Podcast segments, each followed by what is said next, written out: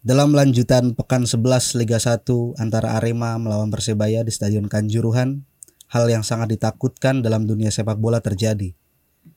Kematian massal baru saja terjadi pada tanggal 1 Oktober 2022. Usai menelan kekalahan 2-3 dari sang tamu, kerusuhan terjadi. Penonton masuk ke dalam lapangan, hendak menyampaikan kritikannya sebagai sebagian versi yang yang lain menyebutkan penonton ingin dekat dan menenangkan pemainnya. Dalam kejadian ini, aparat keamanan yang bertugas justru membalas dengan pukulan bagi penonton yang masuk. Tak hanya itu, tembakan gas air, air mata yang bertubi-tubi, tembakan gas air mata yang bertubi-tubi ke tribun penonton dilakukan dengan cara serampangan. Sontak tribun diisi oleh orang-orang yang panik, kepanasan, perih, sesak, dan terinjak-injak dalam gelap. Info terakhir yang sudah didapat ada 182 korban dan 173 yang meregang nyawa. Selamat datang di podcast Oragol karena sepak bola bukan hanya tentang gol.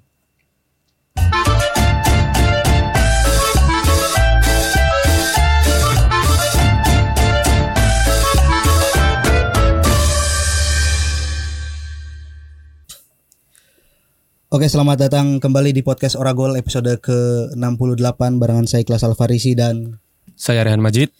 uh, kita nggak berdua ya pada kesempatan hari ini ada sudah bersama kita nih kan Yoi. ada Bung Alif. Selamat malam Bung. Halo, selamat malam. Uh, Bung Alif sengaja kita datangkan dari utara ya Yoi. untuk uh, coba bareng-bareng meluapkan ekspresi ya kemarahan dan keluh kesahnya ya atas kejadian yang terjadi di sepak bola Indonesia. Ya. Lagi-lagi sepak bola Indonesia berduka dan ya nggak usah jauh-jauh ke Malang gitu. Kalau kalau Bung Alif juga nanti bakal cerita gitu ke apa namanya dia dan dan apa namanya dan kelompoknya juga sedang belum selesai gitu me- me- merasakan duka dan ditambah hari ini ya kita eh, ditambah kabar duka yang lebih mendalam lagi gitu kan bukan hanya satu dua tapi ratusan yang sudah gugur gara-gara sepak bola gitu kan. Hmm. kejadian kanjuruhan eh benar-benar membuat semua orang shock gitu. Ini apa mulai dari cerita masing-masing aja ya gitu. Aku bangun jam 4 pagi dan bersiap untuk eh, untuk kerja di, di di media tempatku bekerja itu. Sebenarnya jam kerjanya ja- dari jam 9 tapi mental itu udah tergojlok itu dari dari jam dari jam aku bangun tidur gitu pimretku eh, nelpon editorku WhatsApp suruh ngawal kasus yang ada ter- yang ada di Malang gitu. Wah jadi pada pada intinya pada intinya dari jam ha- seharian itu sampai sampai akhirnya maghrib gitu mentalku benar-benar digojlok oleh banyak kejadian yang benar-benar membuatku marah dan dan nggak nggak habis pikir gitu ngelihat kelakuan yang ada pada bapak-bapak yang yang yang seharusnya benar-benar menjadi penanggung jawab penuh ya atas semua kejadian ini gimana? Ya, eh, aku juga aku waktu itu nonton pertandingannya ya. Eh Arema lawan Persebaya, nonton di video.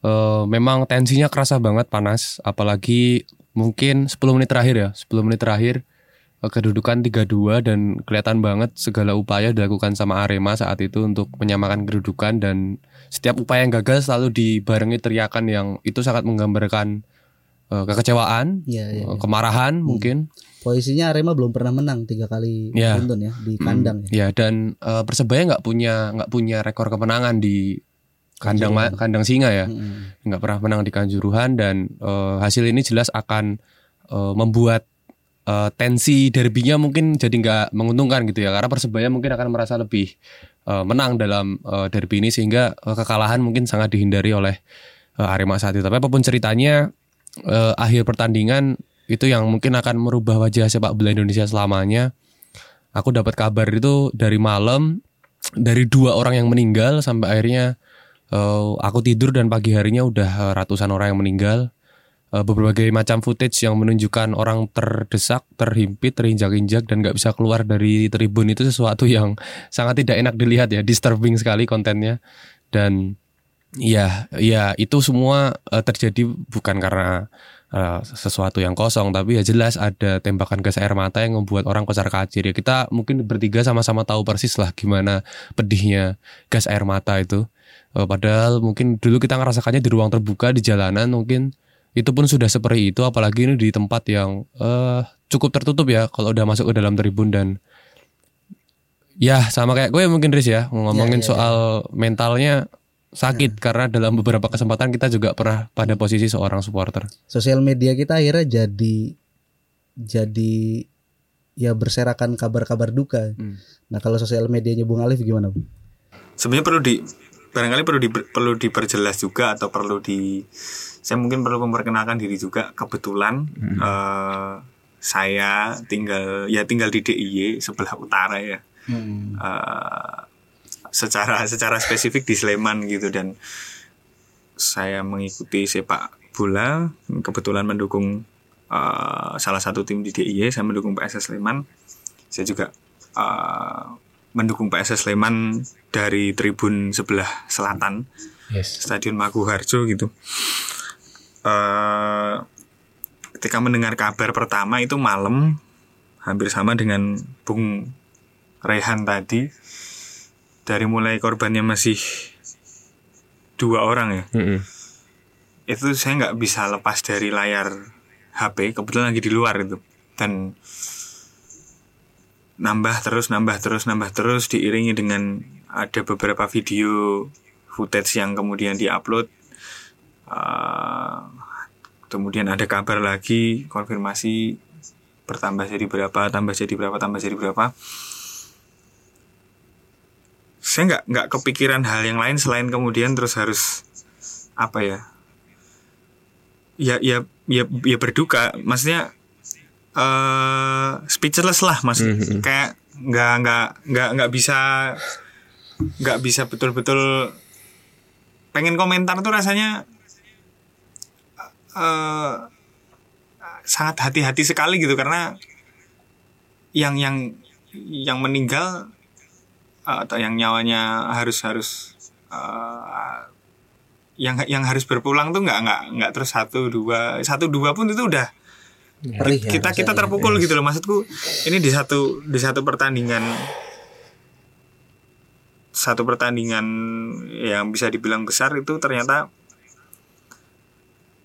sepak bola lagi-lagi harus harus mengorbankan banyak nyawa seorang manusia gitu atau bagi se- Ah, bagi seorang apa ya bagi seorang ibu lagi-lagi harus ada anak yang nggak pulang gitu loh.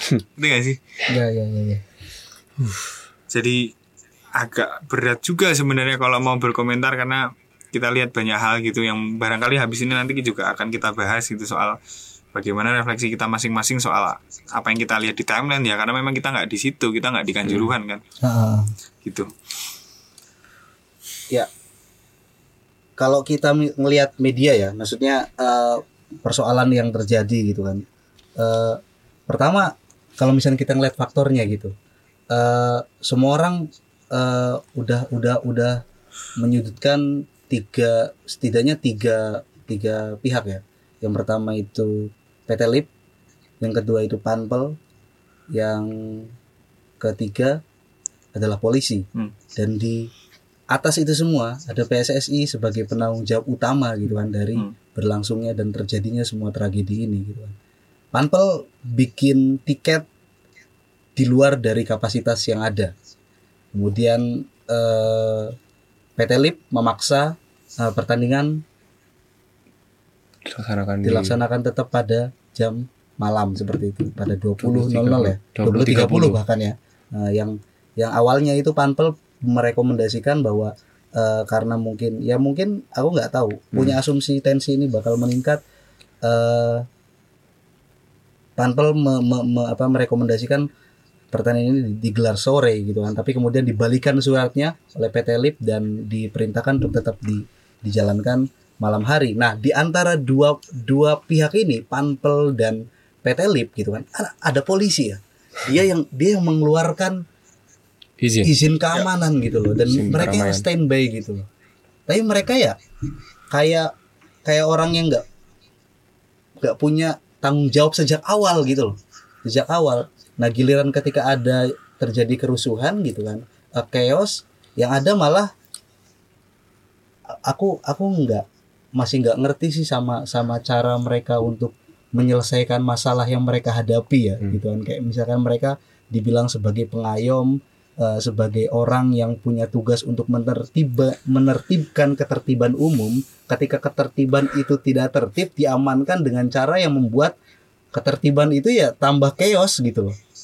Gas air mata ditembakkan bertubi-tubi gimana Ya itu itu satu satu hal yang mungkin jadi salah satu uh, key factor untuk membahas situasi kemarin di Kanjuruhan ya mungkin. Ketika uh, orang bertanya-tanya apa bedanya uh, sebuah pertandingan dilaksanakan sore dan malam hari gitu. Ah, Eh, tanpa menggunakan terma awam ataupun tidak, tapi rasa-rasa kita semua sudah paham. Ketika ada sebuah pertandingan sepak bola secara teknis mungkin hanya satu jam. Ya. Pertandingan itu berlangsung lebih sedikit lah mungkin satu setengah jam paling lama se- sebuah pertandingan itu berlangsung. Tapi animo di luar lapangan itu kan bisa berjam-jam ya bisa bahkan besok bahkan bisa sampai besoknya. Iya eh, lima enam bahkan tadi disebutkan saya besoknya. Ya pre-matchnya misalnya sudah berapa orang yang berkumpul di luar stadion. Pasca pertandingan misalnya katakanlah orang masih kumpul-kumpul orang masih duduk warung-warung kopi tongkrongan-tongkrongan masih ramai.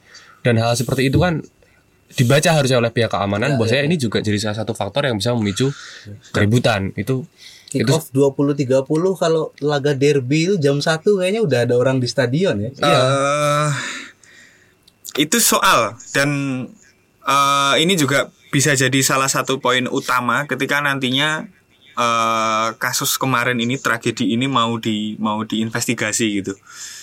Eh, soal kick off malam jam 20.30 itu sebenarnya udah ada teguran atau bahkan usulan untuk mengganti itu sejak sejak lama sebelum kejadian ini terjadi bahkan gitu. sebelum musim ini mulai waktu jadwal keluar Ya, waktu jadwal keluar pun sebenarnya udah ada beberapa klub yang uh, keberatan keberatan kan. Persib Bandung Eh, ada ada banyak faktor yang kemudian barangkali orang-orang ini kan ngomongin soal hak siar ya kita akhirnya. Kita ngomongin soal jam tayang ya gitu, prime time apalah ini itu dan lain sebagainya. Lagi-lagi ya orang-orang yang datang ke stadion malam-malam pertandingan jam setengah sembilan baru mulai atlet jelas rugi ketika main jam segitu mereka akan baru selesai pertandingan jam berapa. Belum kalau ada apa-apa mereka harus pulang lebih larut lagi.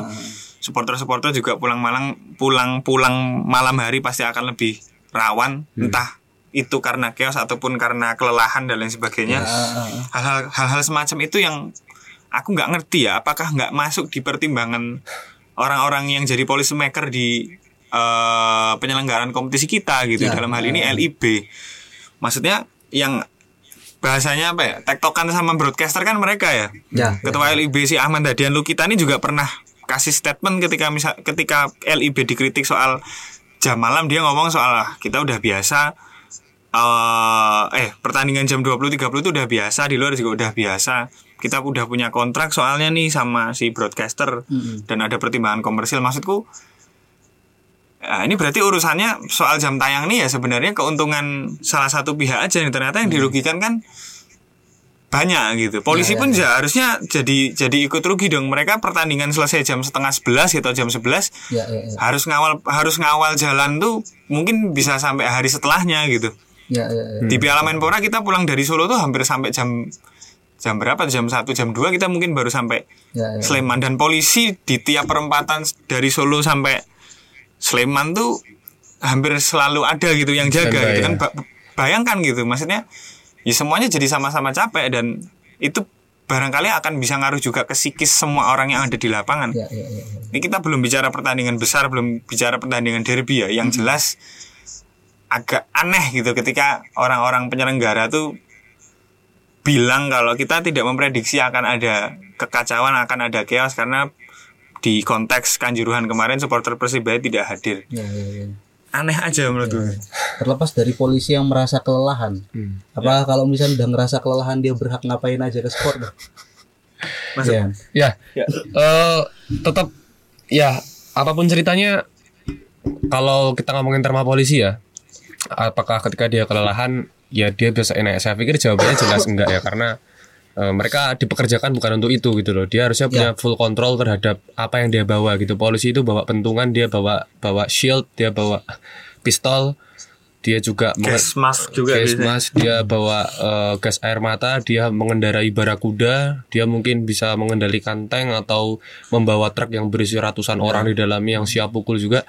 Dan kalau itu adalah orang-orang yang tidak bisa mengendalikan kepalanya sendiri, saya pikir itu akan jadi mesin pembunuh gitu dan Ya, ya, ya. ya. tak pikir eh, itu mungkin terjadi kemarin tuh eh, di di Malang gitu Eh, dan eh, kalau misalnya kemudian pada konteks kemarin itu kita letakkan kesalahan kepolisian ad- pada kelelahannya saya pikir itu nanti jadi kesalahan pribadi ya tapi aku lebih memilih untuk melihat itu sebagai kesalahan institusional gitu Nah. kalau sejak awal memang institusi keamanan kita Polri ini emang tidak didesain untuk Iya, iya. membuat masyarakatnya justru aman gitu. Dan kayaknya eh, apa ya eh, sebuah gambar atau meme yang bertuliskan eh, if the police are murders who do you call gitu. Kalau polisi yang ma- mateni yang bunuh kamu mau nelpon siapa lagi? Itu kayak udah nggak sekali dua kali keluar gitu. Banyak sekali kasus yang menunjukkan ya polisi gagal mengendalikan Ya. dirinya sendiri gitu. Yang bermuara pada kecelakaan kematian yang jumlahnya nggak Aku tuh di timeline tuh masih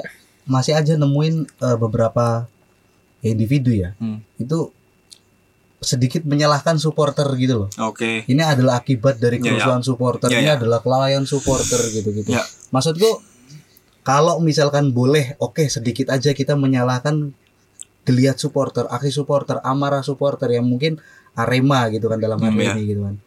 Tapi apakah kemudian menyalahkan mereka lantas kita boleh memperlakukan mereka secara beringas kan? Enggak.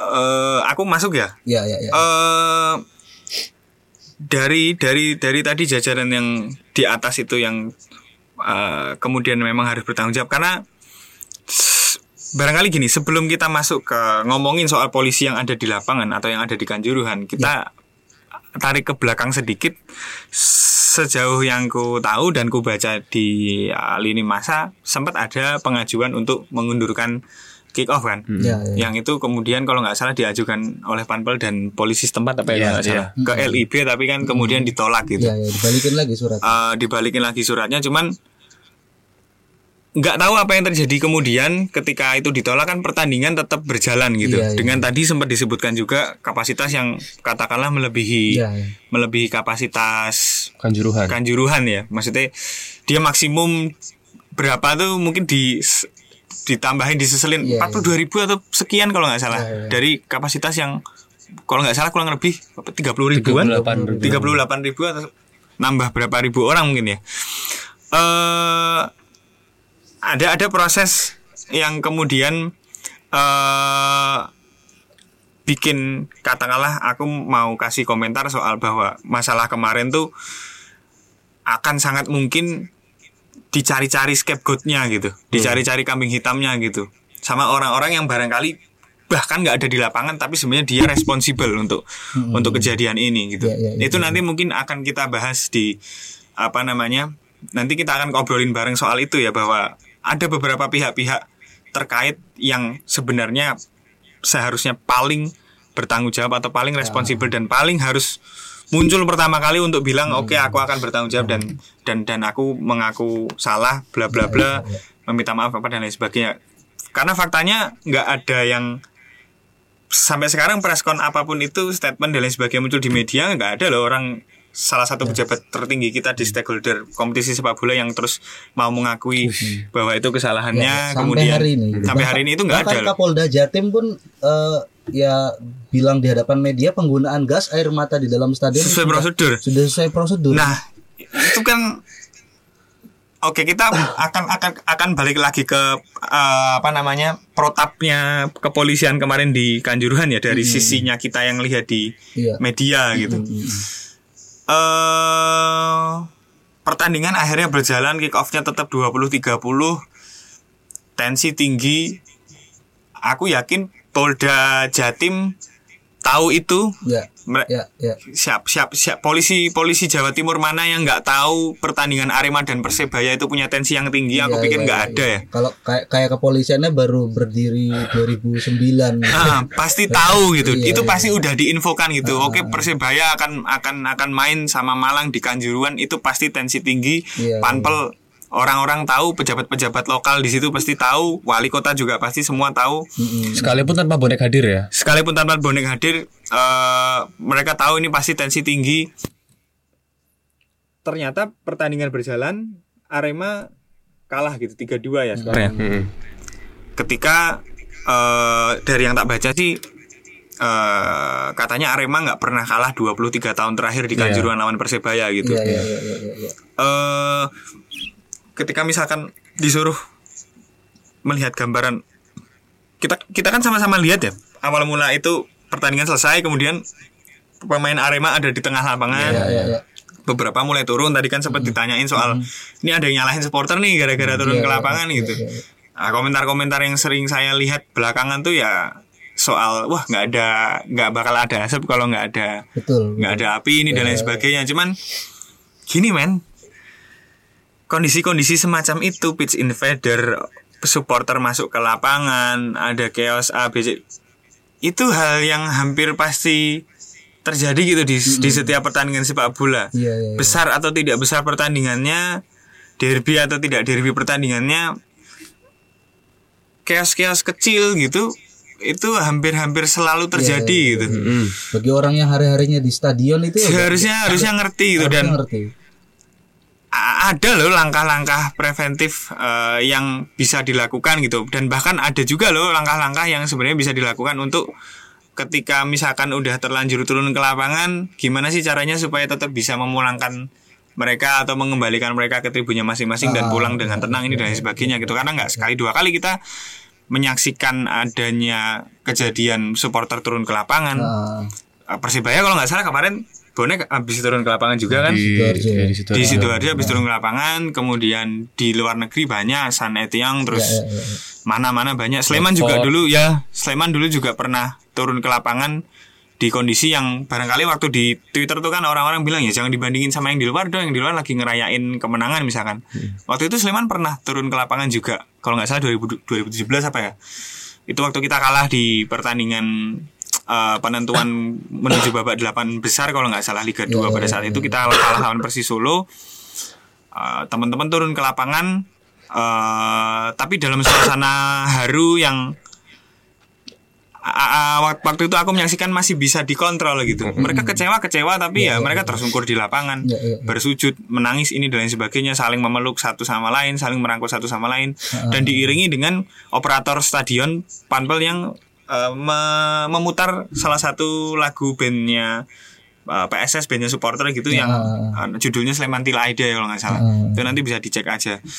Di di situ suasananya justru malah jadi apa namanya jadi haru gitu. Iya, iya, iya. Ya kita kecewa kecewa karena aduh kita ber- berarti harus harus nyoba lagi dong tahun depan. Cuman kan ya eh turunnya supporter ke lapangan tuh ternyata tetap masih bisa Dikelola. dikelola gitu loh. Dikelola, iya, Aku nggak nggak kemudian ngomong bahwa oh turun ke lapangan tuh berarti benar, turun ke lapangan tuh berarti boleh ya. Turun ke lapangan jelas nggak bisa sepenuhnya di apa Benarkan, namanya ya. dibenarkan gitu. iya. Misalkan itu mau dianggap sebagai salah satu faktor eh yang memprovokasi apa dan lain sebagainya menjadikan itu mungkin itu bisa jadi salah satu faktor yang katakanlah apa ya eh emang emang awalnya di di video atau yang, yang da- dari yang kita lihat tuh emang orang-orang di Kanjuruhan tuh supporter-supporternya emang pada turun cuman selama mereka pada turun dan masih bisa di apa ya istilahnya Dikelola. Secara persuasif diminta Secara untuk persuasif. di di masih bisa dikelola masih bisa diamankan tuh aku pikir ya mungkin akan ada yang terluka barangkali ya. Aku nggak nggak mendoakan yang jelek cuman misalkan ada ada represi mereka ada yang memaksa merangsak masuk ke dalam area pemain gitu misalkan terus harus dipukul mundur karena mereka melawan misalkan. Itu hal-hal yang barangkali mungkin akan terjadi gitu. Tapi semuanya menjadi menjadi apa namanya sangat-sangat chaos. Itu barangkali kita semua setuju ketika ada gas air mata yang ditembakkan ke arah penonton gitu. Tribunnya. dan terutama yang ke arah ke arah tribun gitu. ya, tribun paling atas loh Tribun paling atas. itu belum niat ke, ke, ke lapangannya belum ada itu niat turun ke lapangan Nah, itu ya mungkin nanti Ma Rehan bisa bisa bisa nyambung soal Ah, ah. tadi kan kita sempat bahas oh apa sama-sama capek ini dan sebagainya orang semua emosi gini gini, gini. cuman ya keputusan untuk menembak gas air mata secara membabi buta gitu ya, Ya, ya, ya. itu nggak cuman satu peluru dua peluru kan yang ditembakkan ke ke area tribun. Ah. yang mana di situ pasti ada keluarga ada orang ada anak-anak. Dan apa ya aku beberapa kali di jalanan gitu ya ngelihat ya kerusuhan masa apa segala macam mas, masa yang nggak terkontrol dan kemudian berusaha di apa berusaha dikontrol oleh pihak kepolisian mereka tuh menembakkan gas air mata itu intensinya sama sekali bukan untuk melerai loh. Iya. emang kayak air mata ini bro. Iya, iya. itu wah ya ya oke kita kita kita kejadian ini kita nggak bisa putar balik oke ya kita nggak bisa putar balik. Eh sampai hari ini tadi udah sempat disinggung bahwa bapak yang di atas sana itu belum ada sama sekali yang legowo dengan jiwa kesatrianya itu mengakui bahwa ini adalah kesalahan saya ini adalah sepenuhnya tanggung jawab saya dan ini dan saya akan mundur. Belum ada itu. Belum ada. Karena apa ya? Bukan tradisi kita. Bagaimana itu? Dan justru komentar-komentar yang dilontarkan adalah ya semoga dengan adanya ini tidak menjadi dasar kita disanksi oleh FIFA. Itu katanya Zainuddin apa? Amali. bukan katanya Yunus Nusi itu ya sekjen Oh, iya, PSSI. Nusi, ya. kemudian ya Zainuddin Amali juga turut berkomentar seperti itu. Tahun depan kita ada Piala Dunia. Ya, ya. nah setelah kejadian kali ini aku pengen pengen refleksi ya kita kita bertiga ini penting nggak misal habis ini tuh sepak bola kembali bergulir baik liga ataupun timnas ya mungkin kita senang ya timnas kita lagi bagus-bagusnya misalkan yang baik yang muda ataupun yang senior gitu kan Mm. terus ya ada beberapa event yang akan eh, kita kita sambangi gitu kan itu udah aku pribadi itu nggak udah nggak kayak penting lagi bro Mm-mm. ya, ya. piye kan Kalau aku ngeliatnya mungkin mulai dari apa yang dijabarkan Alif soal uh, kebudayaan pitch invading ya. Pitch invading atau pitch invader ini kan nggak hanya terjadi di Indonesia ya, tapi tadi ada di Saint Etienne, terus kemudian Watford pernah melakukan itu.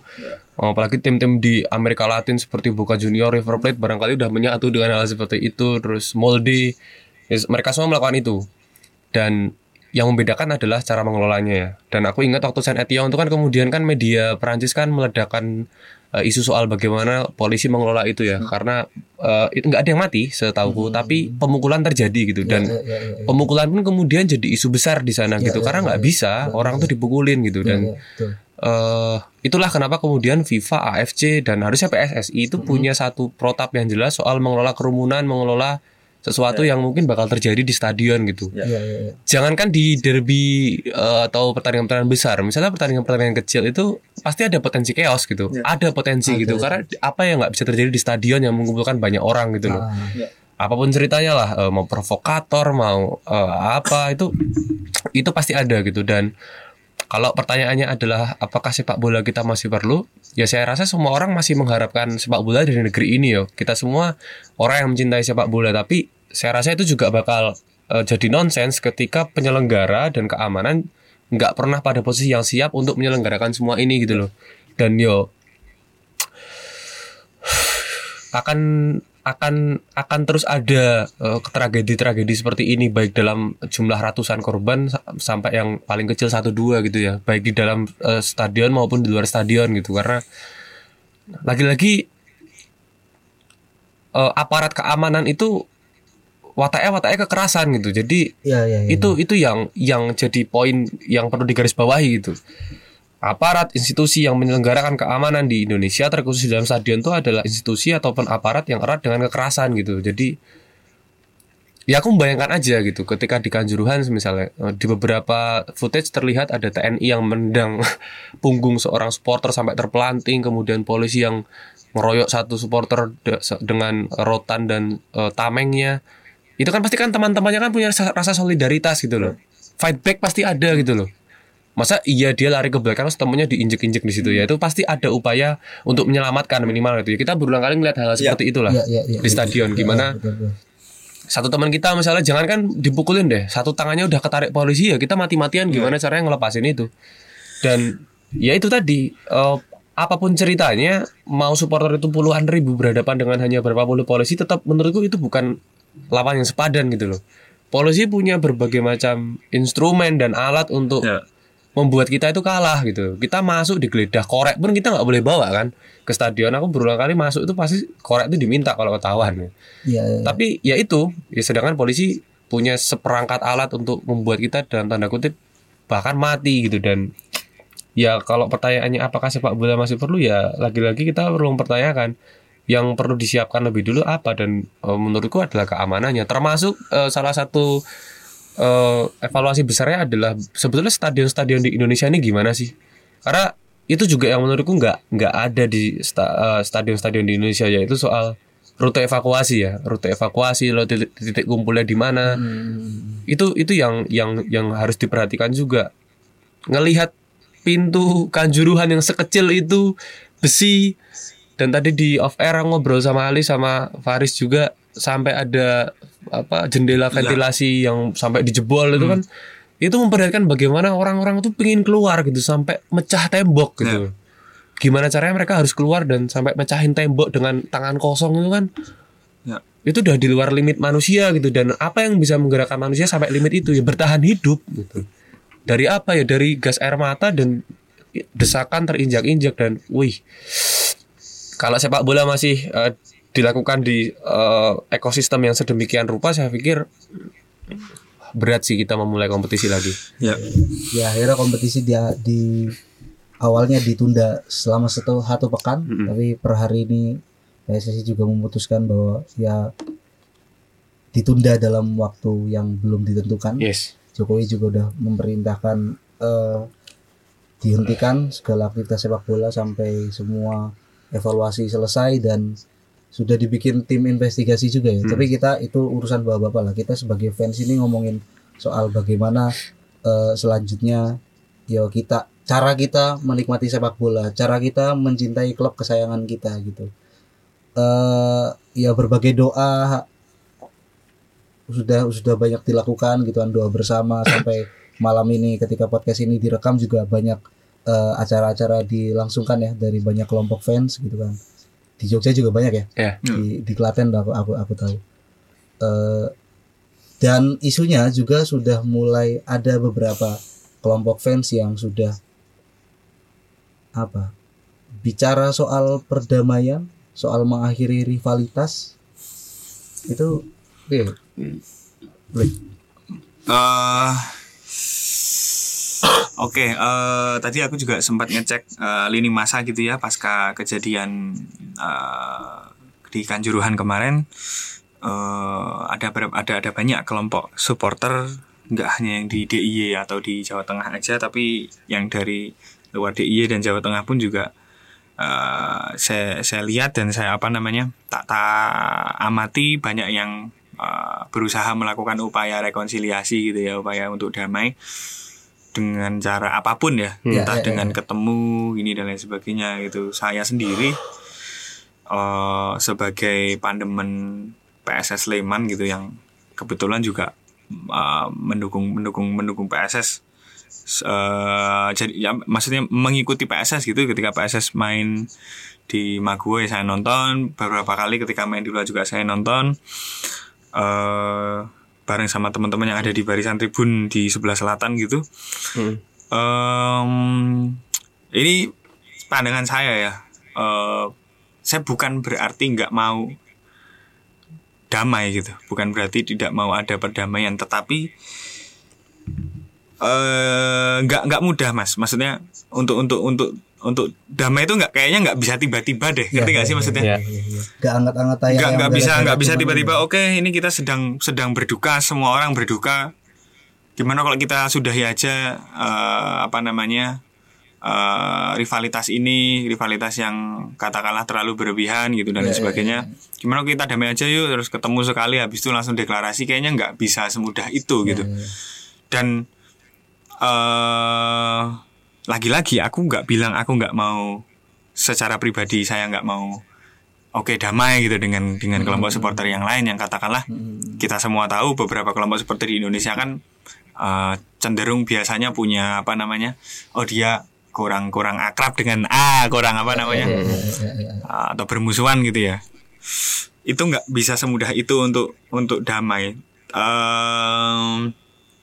untuk mengupayakannya barangkali itu masih bisa masih bisa dilakukan. Katakanlah gini minimal sekarang kita jadi punya kesempatan untuk ngobrol lah. Maksudnya minimal kita jadi punya kesempatan untuk ketemu gitu. Duduk bareng ya. untuk duduk bareng. Eh kalau dari saya sendiri jangan langsung lompat ke apa namanya damainya langsung. Oke kita langsung damai 00 gitu. Nah, cuman ada ada banyak hal yang perlu kita akui gitu ada banyak hal yang perlu kita sama-sama akui dulu kita sama-sama cerita dulu gitu sebelum kita melangkah ke titik untuk bisa bilang semua ini 00 gitu. Masing-masing punya dosa, masing-masing punya dosa. Iya, eh, Tribun Selatan pernah bikin banner kita kalau nggak salah banner dan tweet juga apa ya kalau nggak salah. Ya kita pernah dihilangkan kita juga pernah menghilangkan dan Ya, ya, ya, ya. ah, apa ya saya sebagai supporter PSS yang katakanlah tinggal di daerah yang bukan perbatasan juga Mm-mm. agak agak eh, saya nggak terlalu bisa bicara banyak gitu soal damai karena Ya, ya. kejadian-kejadian di jalan Justru pasca pertandingan di sering terjadi di perbatasan. Perbatasan, oke. Ini ini ini kita perlu duduk nih, kita perlu ngobrol nih soal soal soal sejauh ini apa namanya apa aja yang pernah terjadi di sana gitu dan em, bukan nggak mungkin tapi nggak mudah. Aku mau Ya, bilang ya, itu sih, bukan nggak mungkin tapi nggak mudah. Ketika mau ada upaya oke gitu, tapi Ya, ya, ya.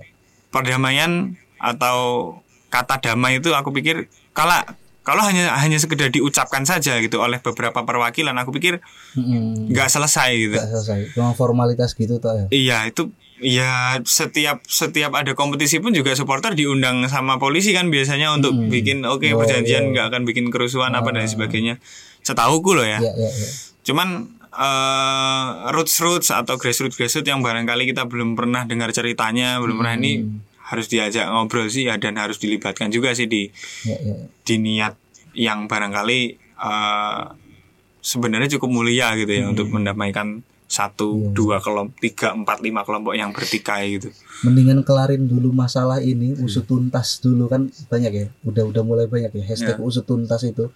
Apa apakah itu yang yang paling penting atau justru ya ini tiba-tiba ada yang punya isu damai sana, damai Ya. sini tanpa kemudian benar-benar terus fokus meng- mengusut tuntas kasus ini gitu. Itu secara metode kira-kira pian? Ya secara metode mungkin tadi Alif udah banyak menjabarkan ya soal ya setiap setiap kelompok pernah menghilangkan, setiap Ah, ah, ah. kelompok pernah kehilangan gitu. Dan ya apa pun ceritanya eh, hampir di semua lini rivalitas itu kebencian itu biasanya diwariskan. Ya, dan wah, dan itu terjadi dari atas hal-hal yang telah terjadi gitu. Mm, mm, mm, mm. dan ya itu eh, akhirnya itu menjadi menjadi bagian dari kultur sebuah kelompok gitu. Bahwasanya oh, ya ada ada semacam dosa yang kemudian mungkin sampai eh, pada tahap waktu tertentu belum bisa termaafkan mungkin gitu ya atau belum belum 100% reda gitu. Sehingga eh, trauma damai itu kemudian menjadi eh, satu hal yang langsung bisa eh, dicapai kesepakatannya. Tapi Ya, ya, ya, ya.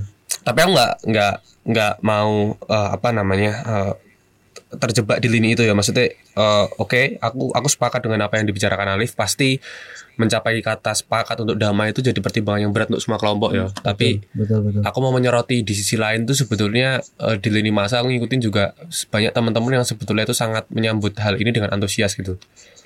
Dan menurutku itu ekspresi gitu. Ekspresi atas apa atas kelelahan sebetulnya bagaimana kita secara menahun mengekspresikan rivalitas ini gitu loh. Dan Ah, ah, ah. ya kita sama-sama tahu kita telah terjebak pada rivalitas yang toksik dan rivalitas yang nggak sehat buat semua Ah, pihak iya, gitu. iya, dan iya, siapa yang akan terus dikorbankan? Yang yang akan terus dikorbankan adalah generasi selanjutnya loh dan Hmm. ya itu tadi oh, oh, banyak pihak juga yang sebetulnya menyambut hal baik atas hal ini. Dan itu mungkin berdasarkan itu tadi kelelahan. Dan yang kedua untuk kasus misalnya eh, isu perdamaian di Jogja, Solo dan Sleman misalnya Mm, mm, pada satu titik aku juga menyadari di wilayah-wilayah ini kan sebetulnya wilayah-wilayah yang saling menopang untuk hidup loh dari hari ke hari gitu. Iya, iya, iya. ya wong Sleman golek urip ning Jogja, orang Jogja eh, nyari makan di Sleman, orang Solo yang tiap hari PP kita bisa lihat kan kalau eh, ke jalan Solo tuh berapa plat AD jam 9 malam tuh sedang OTW pulang. Ya, Begitupun sebaliknya plat AB berapa banyak yang pulang dari arah Klaten ataupun Solo ya. Pada akhirnya kalau kita ngomongin soal ketergantungan dan eh, rantai sosialnya pada akhirnya gue balung ya menopang. satu satu satu ya satu Satu ruh hmm, gitu satu ya. ruh dan sulit kalau misalnya eh, mungkin perdamaian bukan berarti menghilangkan rivalitas ya mungkin Ya. mungkin itu lebih lebih lebih lebih lebih pas ya mungkin Enggak, rivalitas harus ada. Iya, rivalitas tetap tetap membuat sebuah pertandingan hidup gitu. Apa yang membuat kita menunggu pertandingan PSS lawan PSIM ya rivalitasnya gitu. Tapi kemudian turunan dari rivalitas itu apakah harus dengan saling membunuh gitu, nyayur risak wong gitu. Itu kan nggak harus selalu seperti itu kan. Dan seperti kita pernah ngomong di beberapa podcast sebelumnya, ya aku ngerasa beberapa kali cara kita menyikapi rivalitas dengan membunuh itu adalah bentuk kita nggak punya cukup imajinasi soal mengekspresikan rivalitas gitu loh. Mm, ya, ya, ya, ya. aku aku wah wis anu banget terus Sleman. Eh, piye carane menunjukkan ya pateni wae nah itu kan misalnya seperti itu ya atau sebaliknya wong Sleman eh, piye pateni wae gitu. Itu kan menurutku akhirnya bentuk kita nggak nggak cukup mampu menggambarkan bagaimana meng- mengutarakan rivalitas ini gitu loh dan ya wes yang terjadi adalah hal seperti ini tapi apa pun ceritanya aku aku aku aku secara pribadi jadi orang yang menyambut baik sebetulnya isu itu entah sampai mana nanti ini muaranya tapi Ini isu lokal ya yang ada di ya. tapi tetap aku punya punya punya titik kesepakatan yang besar sama Alip ini jelas nggak akan mudah. Jangan. mencapai titik itu tuh rutenya panjang gitu dan dan perlu konsistensi dan alih-alih buru-buru ke arah itu aku sepakat memang ngomongin soal kanjuruhan dulu gitu karena Ya, ya. kanjuruhan itu lebih lebih fundamental ngomongin isu kita semua sebagai supporter gitu Betul betul.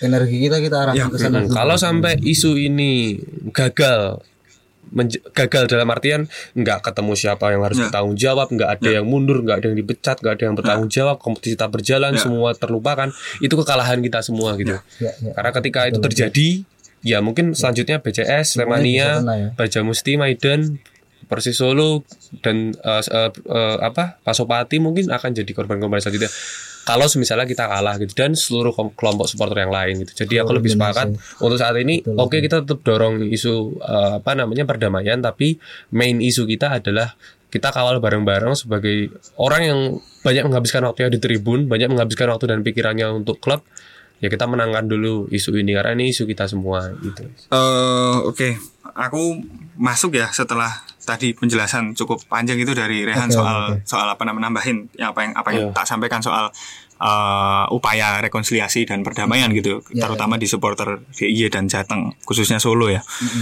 Eh, apa yang terjadi di Kanjuruhan itu sejak awal sebenarnya kebetulan aku kuliah di komunikasi gitu Mm-mm. Mm-mm. kita belajar sedikit-sedikit lah soal framing media ini Ya, dan lain ya, sebagainya ya, ya. gitu. Bagi saya gitu ketika memang betul terbukti dan banyak bukti ya sebenarnya kita udah bisa lihat di lini masa gitu. Mm-mm. Apa yang terjadi di Kanjuruhan tuh barangkali bukan disaster gitu. Iya Tapi- iya. Apa ya istilahnya? Pembantaian gitu malah. Maksudnya apa sih? Eh massacre ya berarti ya. Massacre ya Maksudnya Bukan disaster lagi. Bukan. ketika itu dianggap sebagai oke tragedi bencana atau disaster eh, apa namanya bencana yang terjadi banyak orang yang meninggal itu kayak kemudian meng- menghilangkan apa namanya kenyataan bahwa orang-orang itu tuh di ditembaki gas air mata dan bikin mereka jadi nggak bisa apa ya kalang kabut keluar tadi diceritain soal ventilasi yang berusaha dijebol Ya. aku juga masih lihat foto-foto sepatu-sepatu yang tertinggal Mm-mm. eh ada informasi soal ketika mereka mau keluar pun pintunya juga masih sempat ditutup karena di luar terjadi kekacauan juga Iya. katanya gitu. Ini ketika misalkan kita lengah dan ketika misalkan kita apa ya nggak betul-betul bisa mengawal case ini gitu, nggak bisa betul-betul mengawal kasus yang ada di Kanjuruhan agak susah juga gitu. Misalkan kita mau belajar di apa yang terjadi di Inggris gitu, misalkan Hazel, kemudian apa namanya Hillsborough dan lain sebagainya. Kejadian satu itu tuh mau nggak mau memang harus mempengaruhi semuanya gitu. Apalagi ketika kita bicara nyawa gitu dan Indonesia langsung ada di peringkat dua tragedi sepak bola apa namanya eh, ke- tragedi yang terjadi di pertandingan sepak bola ter, terbanyak korbannya kedua ya kalau nggak Iya, salah iya, iya. Di bawah Peru ya. di bawah Peru itu kan hal yang sebenarnya eh ya ini ini sangat-sangat serius ya, udah bukan nasional lagi gitu. Tak pikir maksudnya udah tragedi dunia oh, udah tragedi dunia gitu. Pandit tadi sore kalau nggak salah ngerilis soal ini bukan tragedi sepak bola tapi tragedi kemanusiaan tragedi kemanusiaan dan tragedi Indonesia gitu. Ya. Maksudnya ada banyak stakeholder stakeholder yang sebenarnya terlibat di di di, di apa namanya kejadian ini dan perlu bertanggung jawab. Yang tadi poin pertamaku adalah soal ini barangkali kayaknya bukan bukan cuman disaster ya ini kayaknya massacre gitu. Maksudnya Ya, ya, perlu perlu perlu perlu diperjelas juga. Artinya bukan bukan serta merta nyari siapa yang salah gitu tapi siapa nih yang akan tanggung jawab? Iya iya siapa ini yang akan responsibel atas kejadian Iya, ini? iya, iya. kita bisa ngebreak dari awal gitu. Bi- kita bisa bisa bisa nurunin itu dari mulai yang paling atas ke bawah ke bawah ke bawah dan lain sebagainya Em, terus yang terakhir mungkin apa ya kalau kita nggak jadi satu di case ini agak susah untuk menang betul jadi kalau misalkan kita emang mau ngobrol Heeh. semuanya apa semua elemen lapisan supporter warna warna paling ujung ke ujung gitu ya Mm, mm, mm. daerah paling ujung ke ujung apa pun masa lalu yang pernah kita lalui sama-sama balik lagi sebelum kita ngomongin damai antara satu dengan yang lain aku mau berpesan bahwa apa yang terjadi di Kanjuruhan kalau nggak kita lawan bareng-bareng kalau nggak kita perjuangin bareng-bareng ak- ak- Malang akan sulit menang gitu. Iya, iya. kalau mereka berjuang sendiri. Betul betul makanya eh, dalam dalam hati saya kemudian apa namanya bernyanyi gitu Mm-mm. aku menyanyikan apa ya seakan-akan pengen pengen mengirimkan Never Walk Alone gitu ke ke teman-teman yang ada di Malang walaupun semua orang tahu mungkin pendengar juga tahu teman-teman juga tahu gimana supporter PSS dengan supporter Arema gitu ya Iya, cuman iya, iya. Tapi kemanusiaan ini ini menang. kejadian ini kejadian ini kejadian kemanusiaan maksudnya ini tragedi kemanusiaan yang aneh aja ketika kita mendengar ini terus kita merasa bodoh amat gitu. Se- sebagai or- Ya. sebagai seorang manusia betul makanya kalau emang kita masih merasa diri kita sebagai pecinta sepak bola pe- pe- pe- apa namanya pendukung salah satu klub orang-orang yang menci- mencintai menyukai sepak bola Mm-mm. ketemu sepak bola dari kecil dan lain sebagainya dan kita pasti pengen merasakan atau melihat atau menurunkan olahraga yang seharusnya menyenangkan ini ke anak-anak kita nanti, ke anak cucu kita nanti. Ini momen yang tepat untuk memperjuangkan itu gitu. Yes. Ya, ya, ya, benar, benar, benar. benar. Aku tuh punya cita-cita, coy. Aku nikah, punya anak, anakku tak bawa ke stadion, kita nyanyi berdua bareng-bareng. Maksudku, iya ya, i- ini ini ini sekaligus mengakhiri Ya. apa namanya episode kita pada hari ini gitu. Stadion bisa jadi tempat yang sangat menyenangkan bagi kita ya, yang datang ke sana kita bisa ketawa bareng, kita bisa nyanyi bareng sampai bahkan sampai serak gitu kan. Dan kebahagiaan kita tersalurkan bener-bener di di dalam stadion gitu. Tapi ya ya ironisnya stadion justru bisa jadi tempat yang paling mengerikan gitu kan. Buktinya apa? Buktinya pada tragedi tragedi kanjuruhan ini gitu. Eh, kalah hari ini bisa menang esok hari tapi kalau mati hari ini tidak akan bisa lagi hidup untuk selama lamanya itu aja mungkin ya episode Oragol di Ya. episode 68 ini makasih Bung Alif udah mau Ya. datang dan Thank you Lip. apa ngobrol-ngobrol kita. Uh, sampai jumpa di episode selanjutnya. Ciao Bella. Dadah. When you walk through a storm,